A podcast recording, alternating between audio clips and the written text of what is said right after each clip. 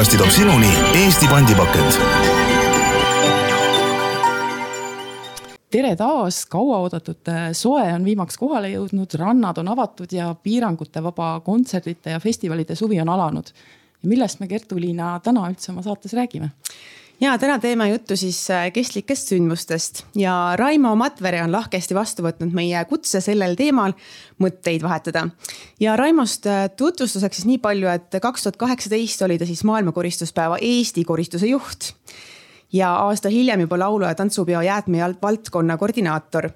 aga on osalenud ka tegelikult tuumikmeeskonna liikmena kümnete festivalide ja suurürituste rohelisena korraldamisel. tere, Raimo. tervist tere, et no ole hea, lisa siia saate alguse mõtteharjutusena veel mõned kõigile teada-tuntud üritused, mida sinu kogemuste pagasist leida võib. No kõigepealt äh, võib-olla tooks välja ettevõtte nimega Assento, äh, mis ongi keskeldunud ürituste äh, korraldajate aitamisele, et need saaks kestlikumalt korraldatud, et see on see, millega ma tänasel päeval kõige aktiivsemalt tegelen koos oma kolme partneri ja veel ühe projektijuhiga. Aga kui me räägime sündmustest, jah, Tallinna ja Tartu tänavatoidufestivalid, aparaaditehase tänavaturud Äh, ma olen olnud Arvamusfestivali tiimis seal, tõsi, ma ei olnud küll keskkonna valdkonna eest vastutav, aga natuke sai selle osas, selles osas ka kaasa mõeldud. ja siis äh, Assento kaudu on meil suur rõõm teha koostööd Tartu kaks tuhat kakskümmend neli kultuuripealinnaga, me oleme nende keskkonnahoidlikkuse partner või noh, strateegiline partner. Ja kaks Eesti suuremat startup konverentsi, Latitude ja Startup Day on mõlemad meie sõbrad ma, mul jääb kõlama see, et sa oled ju Pärnu poiss, aga kus on Pärnu üritused, miks sa neid ei ole teinud meile? Pärnuga on sihuke lugu, et äh, see on olnud mõttes, aga ei ole olnud äh, sobivat äh, aja, finantsi, tiimi, aja või ma ei tea, mille kõige kokku juhtumist, et tõsi, me oleme teinud äh, Ascentoga koostöös äh, ühe koolituse Pärnu linnavalitsusega. Nii et, et me, me, me oleme Pärnuga seotud olnud, aga üritustega, tõsi, võiks nagu tulevikus vaeva näha no igatahes need üritused, mis sa siin kõik ette loetlesid, et Arvamusfestival, eks ole, ja kõik need Tartu ja, ja Tallinna tänavatoidufestivalid on kahtlemata väga-väga suured üritused olnud ja. ja ma arvan, iga kuulaja meil ka täna nagu teab, millega täpselt tegemist on, aga kui sa nüüd peaksid äkki kiiresti tegema mingisuguse valiku, et, et kas oskad ka öelda, mis nendest kõige selline väljakutsuvam olnud seni või, või miks? no eks ikka see laulupidu jah see laulupeo keerukus seisneb selles mahus ja suuruses ja selles no tõesti täiesti hoomamatus nagu um, inimeste, asjade, partnerite hulgas, mis sellega seotud on. et äh, sellest ma ei tea, võib-olla me satume siin pärast pikemalt rääkima, aga see kaks tuhat üheksateist äh, oli siis tänaseks kolm aastat tagasi, mis oli selline no keskkonnahoidlikkus oli muutunud juba teemaks, aga kindlasti äh, kõikvõimalikud teenusepakkujad, taristu oli veel vähem valmis, kui ta täna on selleks, et püüda nagu keskkonnahoidlikumalt korraldada. Et see oli selline väga hea testüritus, et proovida, mida, kuidas seda asja, kust otsast seda üldse nagu närima hakata, et järgmistel kordadel teha seda hoopis kestlikumalt ja noh järgmisel aastal saavad laulupidu ja Tallinna rohepealinn ühesse aastasse kokku ja noh, me võime üsna kindlad olla, et seal astutakse veel suuri samme edasi võrreldes sellega, mis siis kaks tuhat üheksateist oli mm. -hmm. aga räägime põgusalt su taustast ka, et sul on eriala on tegelikult ju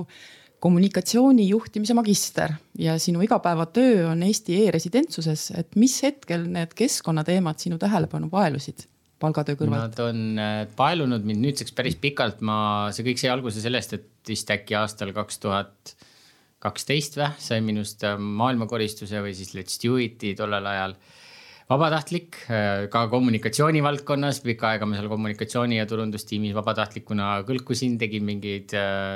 projektikesi seal ja siis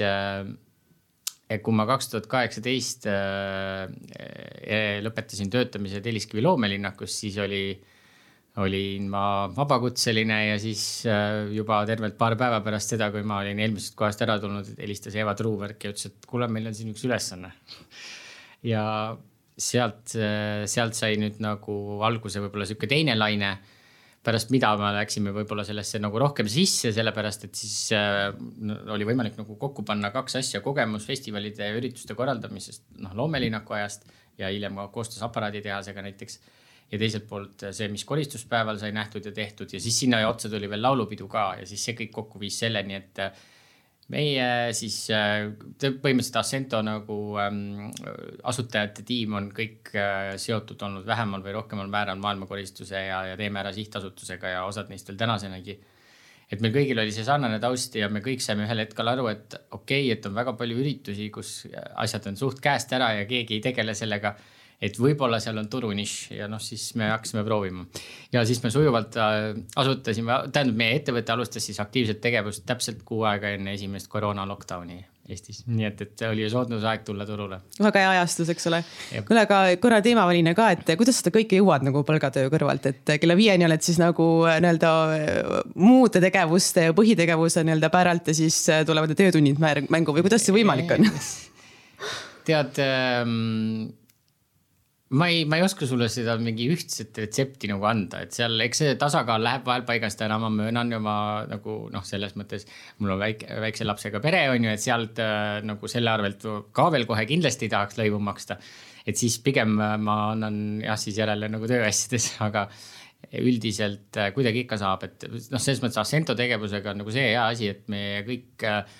seal teeme mitut asja ja me kõik saame nii-öelda doseerida oma ressursse ja võimalusi vastavalt sellele, kuidas me jaksame ja jõuame. ja kui meil ei ole kellelgi aega ühte projekti juurde võtta, siis me seda projekti kahjuks lihtsalt juurde võtta ei saa, on ju. et selles mõttes see võimaldab nagu ja, ja samamoodi, me püüame, kuigi meil on igalühel seal oma nii-öelda tugevused või nii-öelda eriline nagu spetsialiteet, kes mida oskab kõige paremini. siis me oleme püüdnud ennast nii palju nagu teiste, teiste nii-öelda teadmiste abil kurssi viia, et me suudame katta enam-vähem et noh, et ükskõik kes meist võib olla ükskõik millise projektijuht laias laastus. mitte päris, aga noh, enamike suuremate projektide puhul. võib-olla spetsiifilisemate koolituste puhul mitte, on ju, sest meil on näiteks Kadri Kalle, tema on noh, väga nagu selgelt keskkonnaekspert, on ju.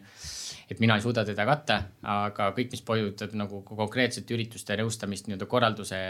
toetamisel, et selle koha pealt me suudame teineteist kõik nagu asendada. et see on seal see võiduvõti ja, ja siis äh, noh, umbes niimoodi ma siis nagu žongleerin nende kolme pallikesega seal. jah, siin kehtibki endiselt see, et kes teeb, see jõuab mm. -hmm. aga mis nõu saamiseks siis sündmuste korraldajad sinu poole nende pöörduvad, mis on need kõige põletavamad küsimused mm.? no eh, põhimõtteliselt on äh, nagu mingi umbes äkki kolm-neli teemat Eh, üks on selline, et pöörduvad siis need, kes on kuskilt jõudnud oma tiimi aruteludes oma peas eh, või mingisuguse välise mõjuri tulemusena otsusele, et nüüd me tahame teha asju teistmoodi, läbimõeldud, teeme kohe nagu plaani. ja siis nagu pöörame kogu oma selle ettevõtmise nagu rohelisse suunda, on ju. Eh, ehk siis, et tullakse nagu, nagu nii-öelda seda suurt plaani saama ja tegema ja koostöös siis on teine variant, kus tullakse küsima mingi abi mingites konkreetsetes küsimustes ja enamasti on see mure selles, et jõhkralt palju jäätmeid tekib, et mis me nüüd sellega saaks peale hakata. sinule tuttav teema, nõud on kindlasti ka üks teema, ehm, mida küsitakse ja, ja siis äh, järjest rohkem on ähm, küsimuse all see, et mis siis nagu, et okei okay,, väga tore, tahaks teha jah, keskkonnahoidlikult, aga et noh, kuidas ma siis nagu, et mida ma siis tegelikult mõjutan või kuidas ma seda mõõdan või kas te, kas te oskate öelda, kui, kui tubli ma siis olin, kui ma midagi sellist tegin, et äh, selliste küsimustega pöördutakse järjest rohkem ja see mõõtmise pool on kindlasti ka see, mille puhul meie nagu näeme oma tiimis, et me peaksime seda teadmist veel nagu parandama. ja see on noh, laiemalt igal pool nagu küsimuseks, aga, aga ka jah, et ütleme, kui me räägime nagu, et mis praktiliste küsimustega pöördutakse, et siis on ikka see, et jõhkralt palju jäätmeid, nüüd tahaks nõude asja ka veel teha. ja siis, et noh, et äh, ma ei tea, aga mis me siis nendele inim-, kuidas me selle neile selgeks teeme, et see on noh, eriti traditsiooniliste ürituste puhul on see nagu võib-olla küsimus, et kus on et kui sa hakkad tegema, et kui, kui nagu aastaid või aastakümneid mingit asja ühtemoodi tehtud ja siis sa lähed sinna muutust sisse viima, siis see püsiklient võib olla nagu, et mis te teete siin, mis asja. et see kommunikatsiooni küsimus ka jah, aga jah, jäätmed, kõige suurem pilt on see, see on ka kõige lihtsam asi, mida lahendama minna mõnes mõttes aga oled sa märganud ka, et need äh, aja, aja möödudes on mingisuguseid muutuseid toimunud, et on inimesed teadlikumad või on lihtsalt teemad teised, millega pöördutakse? Ehm, ikka jah, need äh, ikka päris selliseid küsimusi nagu naljalt meieni ei jõua, et tere, tahaks korraldada keskkonnahoidlikult, mis ma nüüd tegema pean? et mingi eeltöö on tehtud, mingi nullfaas või see tase üks on nagu olemas. Et äh, et tavaliselt ikkagi tullakse siis jah, mingite konkreetsete küsimustega. no kas nüüd nagu see ajas muutunud on? jah, ma ütlen, et ütleme järjest rohkem üritusi läheb sellesse teemasse järjest rohkem sisse ja minnakse siis nii-öelda jah, keerulisemate teemadeni, ongi see mõõtmine või, või ma ei tea, mingi transpordi või energiaga seotud asjad, mida ongi nagu ühel lihtsal kontserdikorraldajal üpris keeruline nagu mõjutada, on ju et kui sul on ikkagi kontserdimaja istub nagu, nagu mingi teatud elektripaketi otsas, mis võib-olla on see kõige odavam, aga selle võrra me teame, et ka ilmselt kõige saastavam siis noh, sa ei väga ei saa seal midagi teha, on ju, see veel rumalam mõte oleks nagu õue peale generaatorit vedada, eks ju. et selles suhtes, ähm, et, et äh, nende minnakse nagu jah, võib-olla spetsiifilisemaid küsimusi tuleb või nagu siukseid äh, edasijõudnute taseme küsimusi. Äh, ja, ja siis üks selline võib-olla teema, mis tihtipeale nagu õhku jääb, on see, et tahetakse nagu küsitakse, et mis plaan või et aidake meil koos välja mõelda plaan või see, et kuidas me neid asju teeme, aga me siis teeme mis on nagu väga okei okay,, väga tore see meile sobib väga hästi. aga siis on tihtipeale see, et selle protsessi käigus alles saadakse aru, et kui palju see tegelikult mingisugust nagu kasvõi näiteks inimjõudu või, või, või mingisugust nagu tähelepanu ressurssi tegelikult nõuab, et siis no võib-olla nagu veel hetkel aeg-ajalt alahinnatakse sinna panustatavat nagu aega ja tähelepanu, eriti esimesel korral, kui sa teed juba mitmendat korda, siis sa oskad aimata, võtad endale mingi, ma ei tea, kasvõi rohevaldkonna vabatahtlikud sinna või mida iganes. Aga et see on alguses selline võib-olla, et oh, et tehke teie plaan ja meil siin see halduse eest vastutav produktsiooni inimene, see teeb ära selle ja siis sa saad aru, et tegelikult see produktsiooni inimene teeb nagu lavasid ja siis ta teeb elektrit ja turvat ja ma ei tea, mida veel ja siis tuleb see keskkond sinna ja siis on nagu pea plahvatab. no sa ütlesid, sinuni jõuavad pigem nagu ürituse korraldajad, kel võib-olla mingisugune soov või teadmine on juba peas olemas, eks ole, aga. kas siin on lähedal tulemas ka mingisuguseid poliitikaid või mingisuguseid regulatsioone, mis võib-olla mm, paratamatult suunavad ka neid ürituse korraldajaid selliste teemade peale mõtlema nagu keskkonnahoid kes võib-olla seda seni veel teinud ei ole mingil põhjusel või pole jõudnud selleni? Siin on mitu aspekti, siin on, eks ju, noh, seesama õnnetu ühe korra plastidirektiiv, mis vist ikka endiselt ei ole veel päris seaduseks saanud Eestis. siis ähm, noh, see, mis selgelt hakkab reguleerima seda, mida sa oma nõudega võid teha siis on, eks ju, kas äkki kaks tuhat kakskümmend kolm on see, kus peavad kõik, kaks tuhat kakskümmend kolm lõpuks äkki, ma võib-olla võin valetada või oli alguseks, kõik peavad olema võimelised, kõik omavalitsused ja kõik peavad olema võimelised biojäätmeid liigiti koguma. asi, mida täna üllatuslikul kombel paljudes kohtades Eestis ei ole. Mis on nagu mõnevõrra probleem, sest et siis läheb see kõik kokku muude jäätmetega ja siis tuleb sealt ainult üks suur segaolmepläust aga nüüd teiselt poolt, kui me räägime regulatsioonidest, siis siin on hoopis suurema sammu edasi astunud omavalitsused. Tartu ennekõike muidugi seoses oma kultuuripealinna ja üpris niimoodi roheteemadele avatud nagu linna üldise niimoodi vaimsusega. Seal on, ütleme üritustel tänaseks hetkeks tehtud keskkonnahoidliku korraldamise juhendiga avalike ürituste lubade taotlemisel lähevad need tingimused nagu ma ei, ma ei taha öelda sõna rangemaks, aga ütleme siis täpsemaks või, või no ikkagi tegelikult rangemaks, olgem ausad. ja, ja, ja minu arust ka järgmisest aastast muutuvad need juba nagu kohustuslikuks, sama teed läheb Tallinn, et Tallinnal on tegelikult ka see, see aasta nad suvel pil piloteerivad mingisuguseid lahendusi ja siin on kuulda veel omavalitsusi, kes on sellesama sammu ette võtnud, ehk siis, et, et üks on nagu riigi Mm, noh, nii-öelda kesksed, eks ju, regulatsioonid ja praktikad, mis tulevad, eks ju, seoses mingite direktiivide ja seadustega, on ju. aga teine on see, et omavalitsuste tasandil äh, toimuv mõjutab konkreetse ürituse korraldajat konkreetses omavalitsuses veel rohkem. et, et selles suhtes see on küll, aga noh ja siis on seal sellega seotud ka, eks ju, kitsaskohad, et, et sul on mingid seadused, mis sul midagi võimaldavad või ei võimalda, siis on sul omavalitsused, kellel on äh, siis vastavalt omavalitsuse võimekusele, nad teevad kas selle miinimumi, mis seadus nõuab, jätavad natukene üldse tegemata, sest järelevalvet väga ei ole. või siis teevad nagu selle maksimumi, mis sa saaksid teha. ja siis vastavalt sellele, kus omavalitsuses sa korraldad, siis äh, nendes nii-öelda mängu, sellist, selliste mängureeglite või raamidega pead sa nagu toimetama aga jah, et see biojäätmete teema kindlasti ja noh, siin mingi hetk tulevad veel tekstiilijäätmete eraldi kogumine ja igasugused muud asjad, aga ütleme ürituse korraldaja jaoks ilmselt see nõud ja see biojäätmed on nagu esimesed asjad. aga ma ütlen, et tegelikult äh, see, kes järgmine aasta Tallinnas hakkab õuesfestivali korraldama, näeb juba hoopis teistsuguseid avaliku ürituse loatingimusi, kui ta täna näeb. aga kui sa nüüd laiemalt vaatad, et mis pilt sulle Eestis vastu vaatab, et kus me, kus me oma ürituste rohelisusega oleme, et on meil äkki kõik hästi? tead, ega ma, ma, ma ei ole ammu ausalt öeldes käinud välismaal väga üritustel, ma käisin äh, üle kahe aasta sain siis suurepärase välisreisi näol käia Helsingis konverentsil, mis oli siis novembris ja üldiselt äh, too konkreetne startup konverents oli siiski tuntud kui pigem üpris kestlikult korraldatud ja keskkonna vaates nagu eesrindlik. Aga vaatasin, mis seal olid nagu, kuidas need lahendused olid ja mismoodi see oli ja noh, ma näen täna, ma arvan, et nagu Eesti konverentsid on seal mööda tuisanud neist võib-olla selles osas, mis nad seal teevad.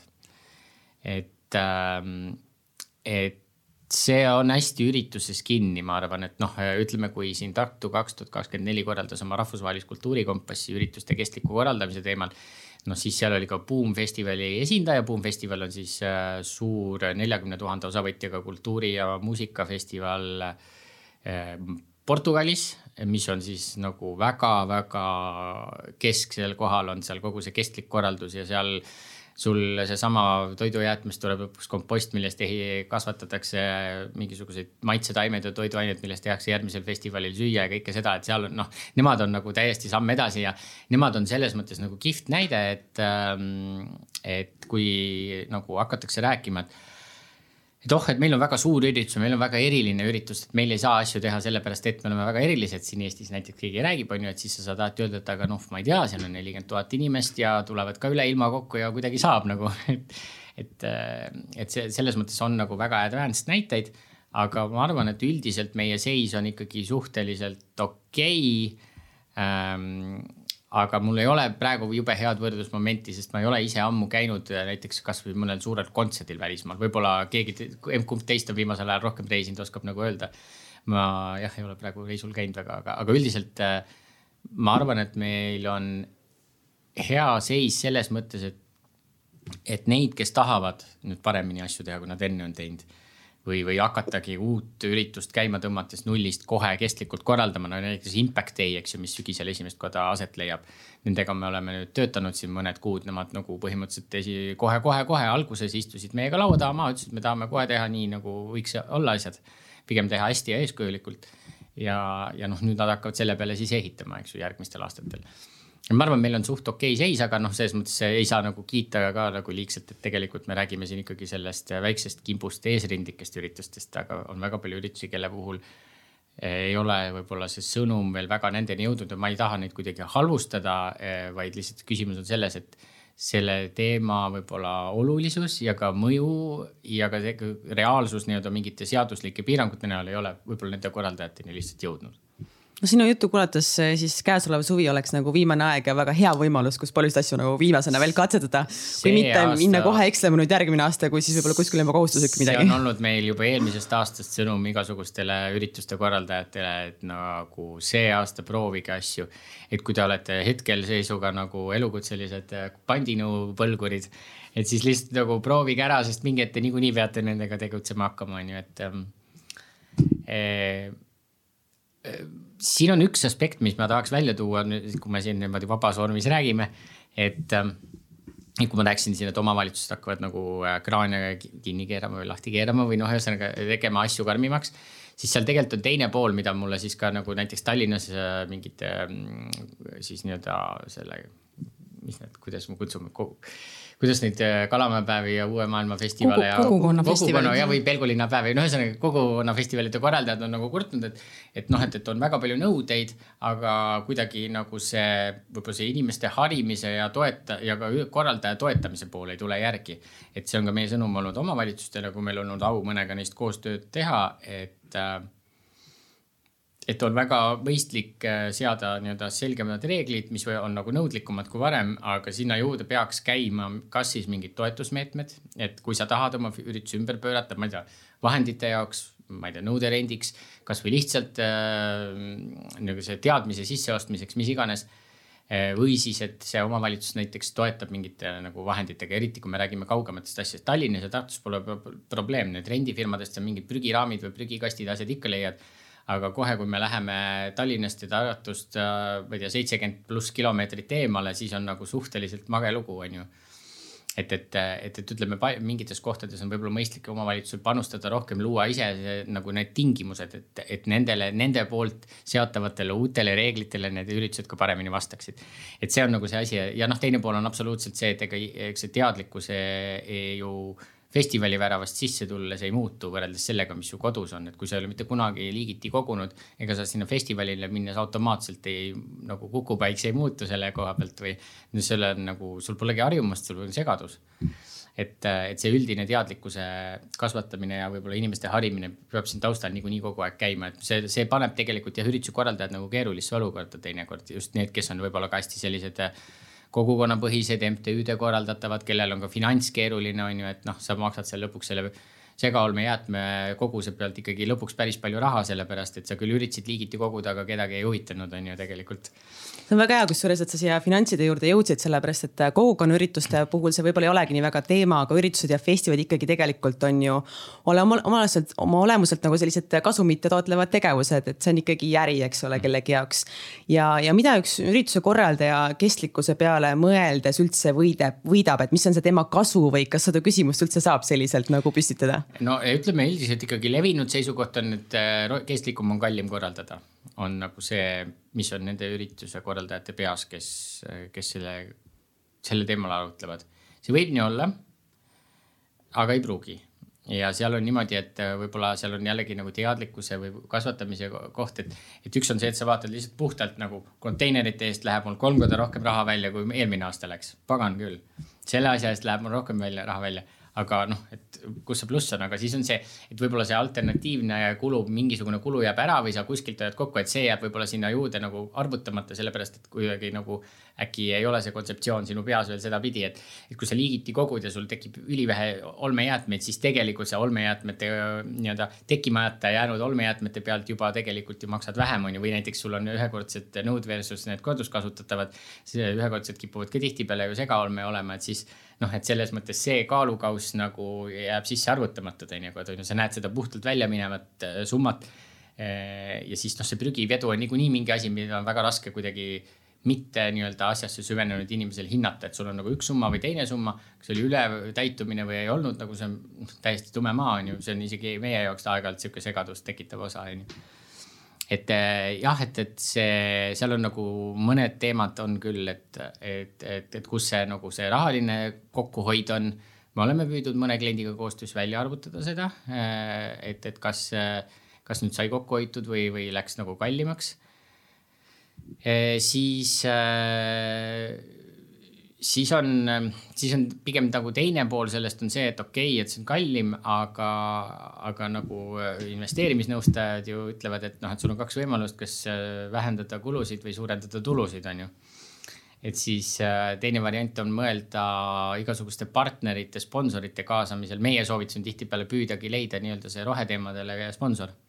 kelle võib-olla firma väärtustega see kokku läheb või kellel on praktiliselt see asi olemas, mis, millega saab sinu mure ära lahendada, on ju. loomelinnakus ma mäletan, me kasutasime tihtipeale seda istumisaladega oli alati probleeme Tänavatoidu festivalil, seal ei olnud piisavalt istumiskohta. ja siis äh, nii vähe, noh, me üldiselt kasutasime vähe nagu partnereid ja sponsoreid ja nii vähe, kui neid oli, siis meie nagu ootus oli neile see, et nad lahendavad selle ära istumisaladena, et need inimesed, kes seal sööma on tulnud, saaksid istuda ja süüa vahepeal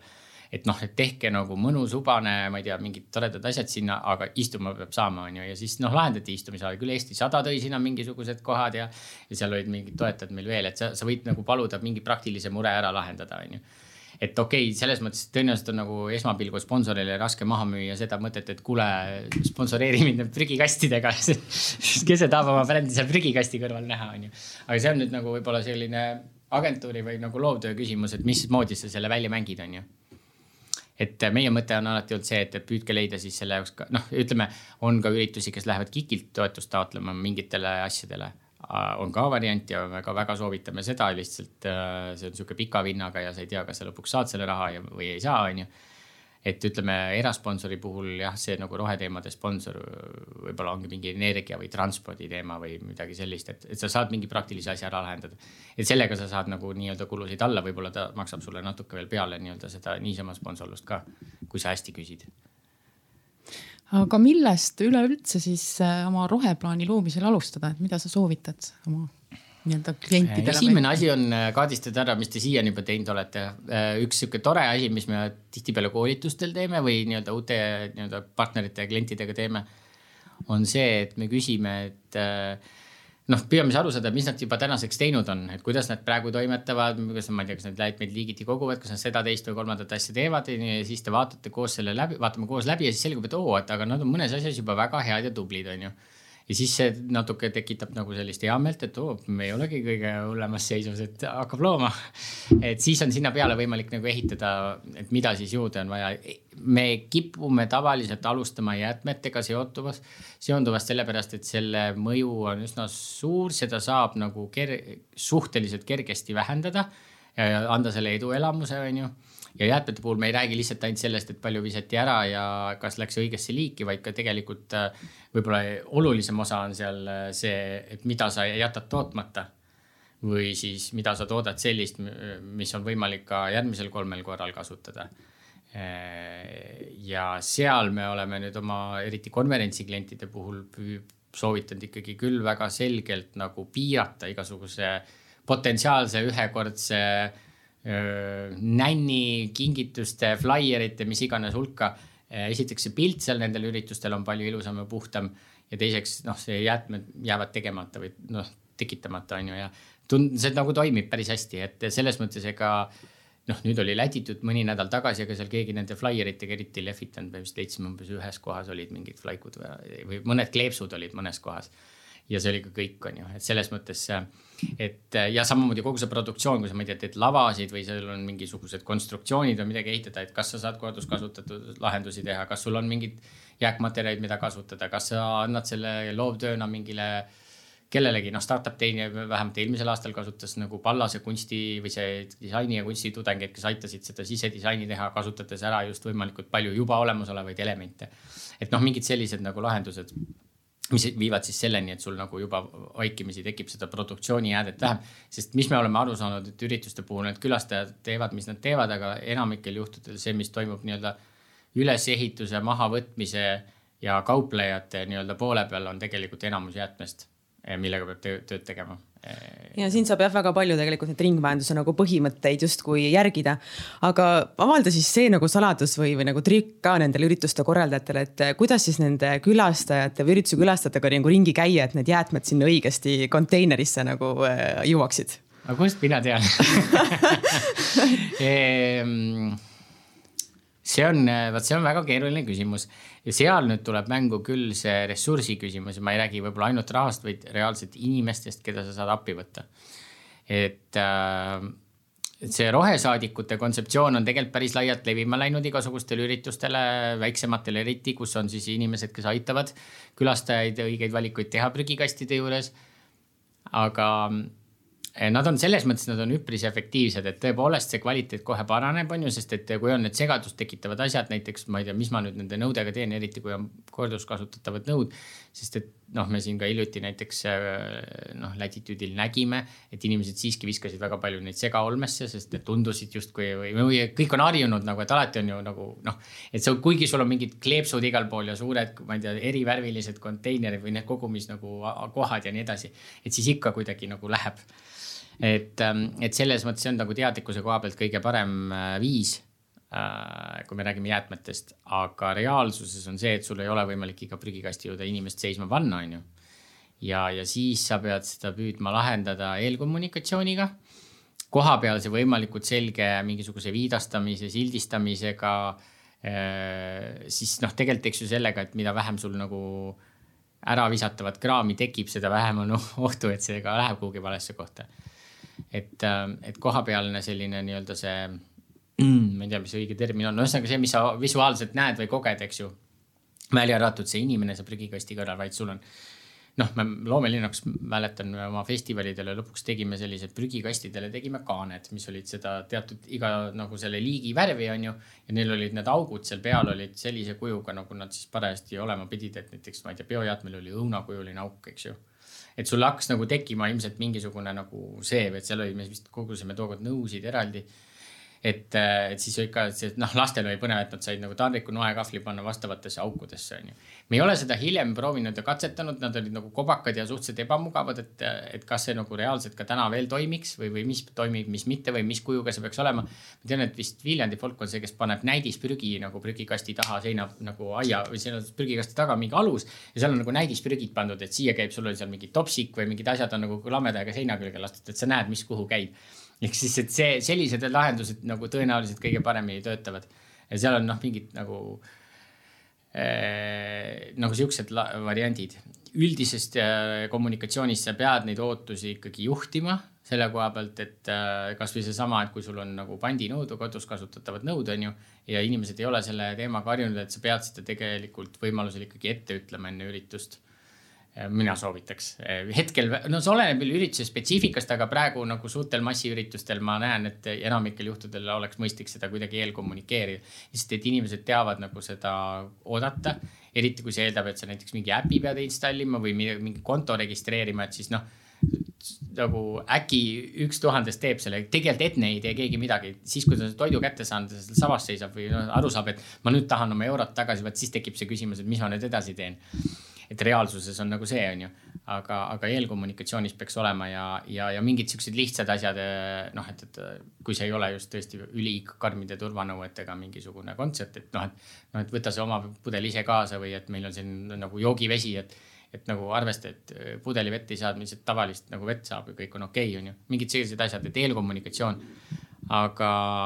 aga noh, mulle kõige rohkem meeldib muidugi jah, need rohesaadikud endale, et ma ise olin üks nendest, kes võib-olla neid aktiivsemalt kasutama hakkas. Eh, kuigi ma tean, et see varasematel aastatel vist isegi, kes need roheliste rattaretked ja kes veel seda teinud on, on ju aga see on väga ressursimahukas ja sul ei ole neid vabatahtlikke kuskilt võtta, et see on ka nagu asi võib-olla, mida paljud vabatahtlikud ei taha teha, et mis mõttes passin terve päeva päikse käes prügikasti kõrval, et see ei ole ka nagu võib-olla kogemus, mida sa tahad hirmsasti. kuigi tegelikult see, see, siis on jälle mõel, vaja mõelda nagu see, et mis sa siis selle vabatahtliku paned nagu näiteks erinevaid ülesandeid tegema, et ta saab vaheldada, et tal ei ole noh, igav, eks ju või et, et, et tal tõesti ei ole see, et ta seisab kolm tundi nagu lauspäikse käes seal biojäätmeämbri kõrval ja ütleb, et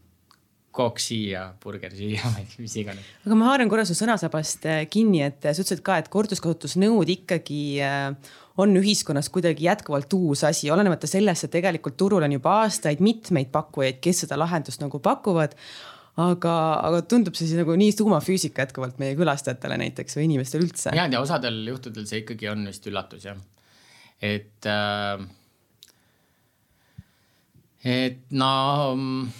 ma isegi ei tea, mis seal nagu see keerukus on, et äh, ma arvan, et see võib-olla on ikkagi kuidagi kombinatsioon sellest, olgu, ma nüüd maksan nagu näiteks neljaliikmeline pere ostab neli, ma ei tea,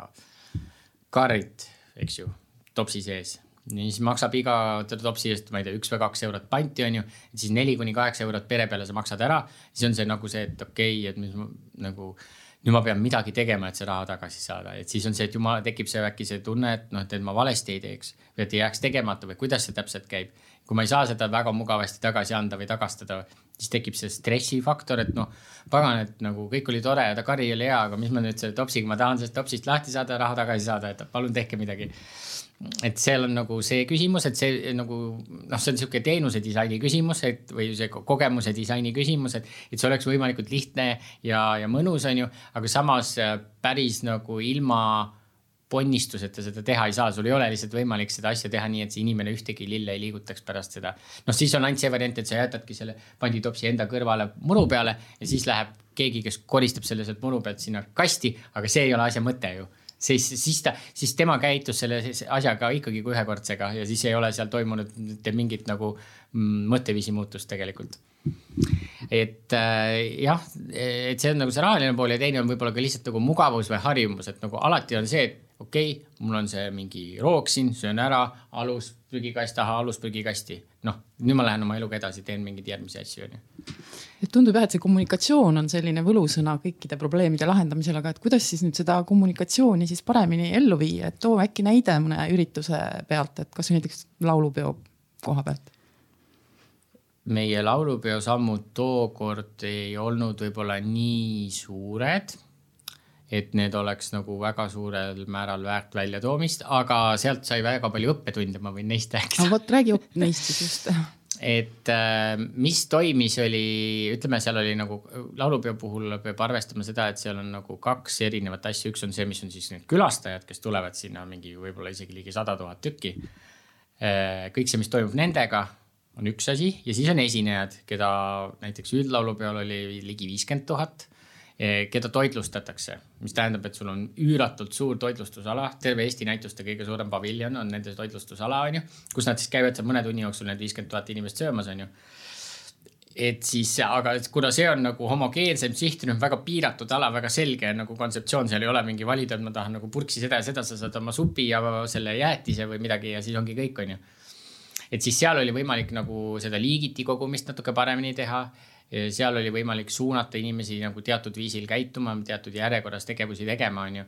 et, ähm, et seal oli nagu seda lihtsam tagada, ülejäänud äh, nagu kliendi ala peal oli see siiski, et meil oli küll nagu kahte liiki jäätmed olid äh,. oli vist taara ja, ja siis segaolmejäätmed tookord, et ähm, et seal oli nagu, noh, seal mingeid rohesaadikuid ei olnud ja sihukest tohutut eelkommunikatsiooni, et seal oli ikkagi äh, sa lihtsalt vaatad, põhimõtteliselt seal sai vaadelda, kuidas inimesed käituvad, on ju. et ähm,, et mis me siis nagu see õppekoht võib-olla seal oli, oligi see, et äh,, et see tuleb ikkagi nii üheselt mõistetavaks teha, mida sa ootad. kasvõi näiteks, kui me räägime esinejatest, kes tulevad, neil on nagu enamasti ka üpris kiire, on ju, sest neil on, kas nad on just lavalt tulnud ja nad on väga näljased ja peavad mingi X arv minutite või tunni pärast minema tagasi lavale, nad peavad selle teekonna jõudma läbi käia või siis äh, nad alles ootavad oma järge. ja teised on seal teisiti, teisalt võib seal olla, et nad on nagu päris palju tunde veel mitte söö, noh, söömata, eks ju. et nad tahavad saada kiiresti hästi süüa. et siis äh, seal on nagu hästi oluline tõesti teha niimoodi, et see kõik oleks üheselt mõistetav, seal näiteks nagu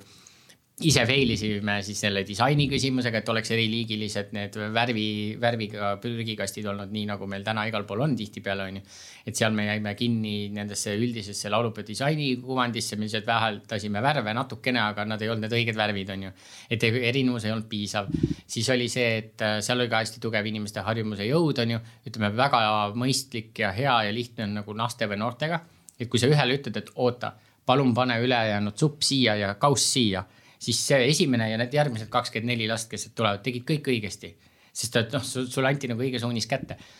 aga siis on mingid inimesed, kes noh, selles mõttes nagu pahandavad suga, et niigi mind aeti siin kindlasse ritta istuma ja ma olen siin olnud näljane ja nüüd sa tuled, ütled veel, kuhu ma oma prügi pean viskama, et nagu mis asi, et nagu sõjaväes, ma mäletan, keegi ütles mulle, eks ju et selles suhtes sa pead nagu arvestama sellise asjaga. aga seal tegelikult laulupidu oli ka üks koht, mis ütles nagu selgelt välja selle või noh, kinnitas seda, et väga palju tööd tuleb teha kauplejate, toitlustajatega.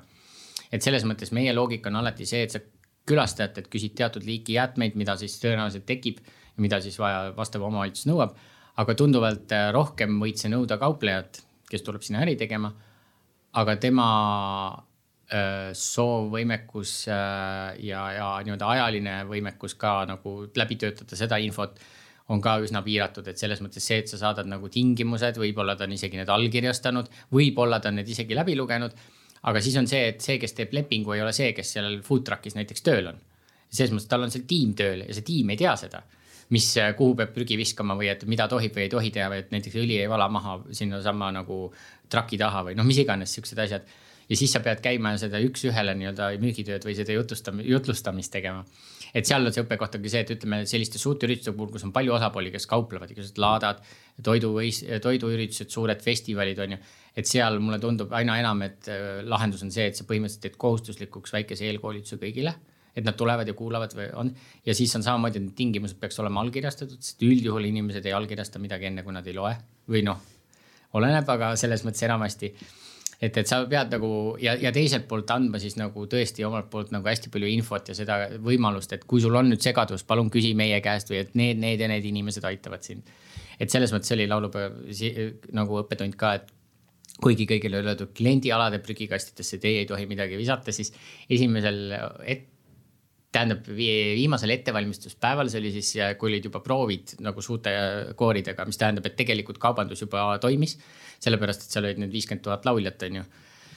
ja, ja siis, siis oligi, et läksin jalutasin seal ühe ala peal ja siis vaatan, et üks prügikast on lihtsalt täis mingisugust papist mingit monstrumit, mis oli mingisugune kommireklaam, mingisugune papist jublakas. aga õnnetuseks, noh, see oli ju bränditud siis ma kohe nägin, et seal natukene eemal oli üks teine samasugune selle putka juures ja siis ma läksin, küsisin, vabandust, et nüüd läks natukene pahasti, et see oli ju teile nagu öeldud, et ei, ma ei tea küll midagi sellest, mis asja? Et kus see prügiala siin üldse siis on? no vaat, et see on seal nurga taga, selle telgi, telgi taga seal taga, et palun viige nüüd see sealt prügikastist ära, sest nagu te näete, ükski inimene ei saa siia midagi visata, sest see on teie papi junni täis, on ju et, et selles mõttes see on nagu asi, kus annab, kui see saada väga hästi käima, nii et kauplejad ja on nagu on board selles küsimuses, et siis on võimalik juba nagu näiteks kogu seda jäätmete poolt väga hästi teha. ja, ja, ja kommunikatsioon on seal üli nagu oluline ja me ei ole veel väga hästi lahti häkkinud, mis seal see kõige parem nagu viis on, et ootan huviga, kui mõni festivali korraldaja selle nagu super perfektselt ära teeb, et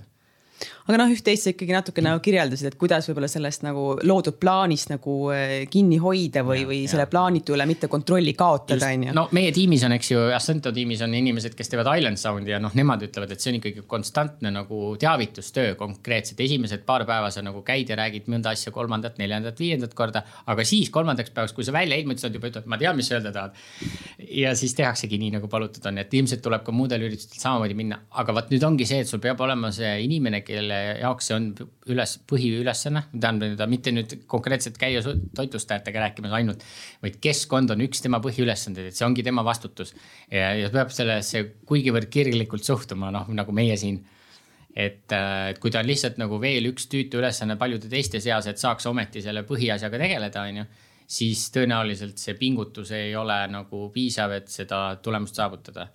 ja, ja jällegi see on see, et kui sul on see üks nii-öelda pühendunud inimene, siis see võib tähendada seda, et ta tahab natukene töötasu saada või et tal on mingisugused muud äh, ootused ja lootused selle ülesandega seoses ja noh, siis me hakkame jälle rääkima finantsidest. mul tuleb kohe meelde, et nagu meil käis siin Foodish äh, külas, nemad olid siis toidupolitsei, eks ole, väga Aha. tuntud, siis meil on vaja nagu ürituste põhiliselt prügipolitseid või, või jäätmete politseid. keskkonna, üldse keskkonnapolitseid siis, kes vaatab, et kõik oleks korras ja, ja. jah, jah, seal on nagu jah, ma ütlen, et üks on see, et käiakse vaatamas nende kauplejate juures, siis on see, et kui ütleme mingit demo ja mingit promoalad, et siis on see, et sa lähed vaatad, et reeglitele mittevastavat kraami ei oleks sinna laiali laotatud, et mingi keegi ei jagaks õhupalle või mis iganes, on ju. et äh, ta on nagu selles mõttes tundub ebameeldiv, aga noh, laias laastus inimesed üldiselt saavad aru, kui sa seda uuesti lahti seletad, lihtsalt kui sa oled nagu selles äris, et sa käid kauplemas või et sa käid, ma ei tea, demoaladel väljas või sa teed või noh, müüd, on ju siis su mõtted on ilmselt tunduvalt teistes kohtades kui see, et kas ma nüüd vastan kõigile keskkonnareeglitele ja, ja, ja et jõuda sinna nagu tähelepanu välja on päris keeruline, et see ongi, ütleme võiduvõti mulle tundub seal, kui on üritused, kes hakkavad seda asja juurutama nii-öelda aastast aastasse, et kui meil on, ma ei tea, startup day konverents näiteks teist aastat järjest samade reeglitega ja, ja pluss pisut lisaks võrreldes eelmise korraga on ju. siis see, need, kes on seal mitmendat aastat olnud, juba ilmselt teavad, mida oodata, on ju, et noh, sul ei ole mõtet enam nii-öelda vanasse voolu tagasi minna, sest et sa tead, et see vist see vanasti ei tule enam kunagi tagasi, on ju et, et siis, et, et ongi, et esimese korraga nagu teha täielikku pööret mingisugusest noh, sihukesest klassikalisest ka viis aastat tagasi toimunud formaadis üritusest kohe mingiks zero waste super ringlevaks festivaliks võib olla üüratult kallis ja üüratu nagu, nagu pingutus, mis ei ole tegelikult seda väärt. ja siis on sul pärast lõppkokkuvõttes võib juhtuda, et kõik on õnnetud, tiim ei, ei jaksa enam ja, ja mis iganes on ju, et me soovitame alati liikuda samm-sammult aga iga korraga sammu edasi astuda. no nüüd on nii, et meie aeg tiksub nagu alati hästi armutult, et meil on siin saate lõpuks veel kolm välkküsimust. Et.... ja keerasime selle saate formaadi hoopis teistmoodi, et tavaliselt me küsime, küsime alati saate alguses, aga nüüd tulevad koks, kok, kolm sihukest nagu kokkuvõtvat küsimust ja saate lõppu, millele saad siis võimalikult lühidalt nii-öelda vastata. Jah, ei või? Ei, ei ikka Mitte natukene, aga, aga võimalikult äh, väheste sõnadega, kui, kui sa suudad. nii, esimene küsimus on selline siis, et kolm asja too välja palun, millest äh, rohelise ürituse korraldamist alustada võiks? praeguste tegevuste analüüs, et, et kas sa juba oled äkki väga roheline, siis äh, leida kõik need kohad äh,, kus saab jätta midagi tootmata, tellimata, ostmata. ja nii edasi. ja nii edasi, eriti ühekordseid asju ja kolmas on äh, äh, põhimõtteliselt mina soovitaks kolmanda asjana, et räägi kohe oma kommunikatsiooni inimesega, et see peab olema üks osa kommunikatsioonist, et kui sa teed rohelisi samme, et siis see kuidagi sinna pilti asetuks, et see ei tuleks üllatusena kolm päeva enne festivali. nii, aga mis asi on rohepesu? kuidas sa selgitaksid seda? rohepesu on, äh, see on, ma ka, mina olen seda teinud teadmatusest selles mõttes. Aga see on siis ähm, asjade näitamine keskkonnahoidlikuna, kuid nad tegelikult ei ole mm. -hmm. ja, ja nüüd, kuigi ürituste puhul on ju alati see teine pool ka, et lisaks korraldajatele on külalised ju, et, et nimeta paar rohelist harjumust, mida sina alati üritust külastades kindlasti järgid, et olenemata sellest, kas see üritus siis on panustanud roheteemasse või mitte. no ja kui on jäätmed, siis viskan ikka liigikohaselt Eh, kui on lubatud, üldiselt võtan oma veepudeli kaasa ja siis kasutan seda eh, vabalt saadavat vett, mis seal on, kui on. Eh, püüan võimalusel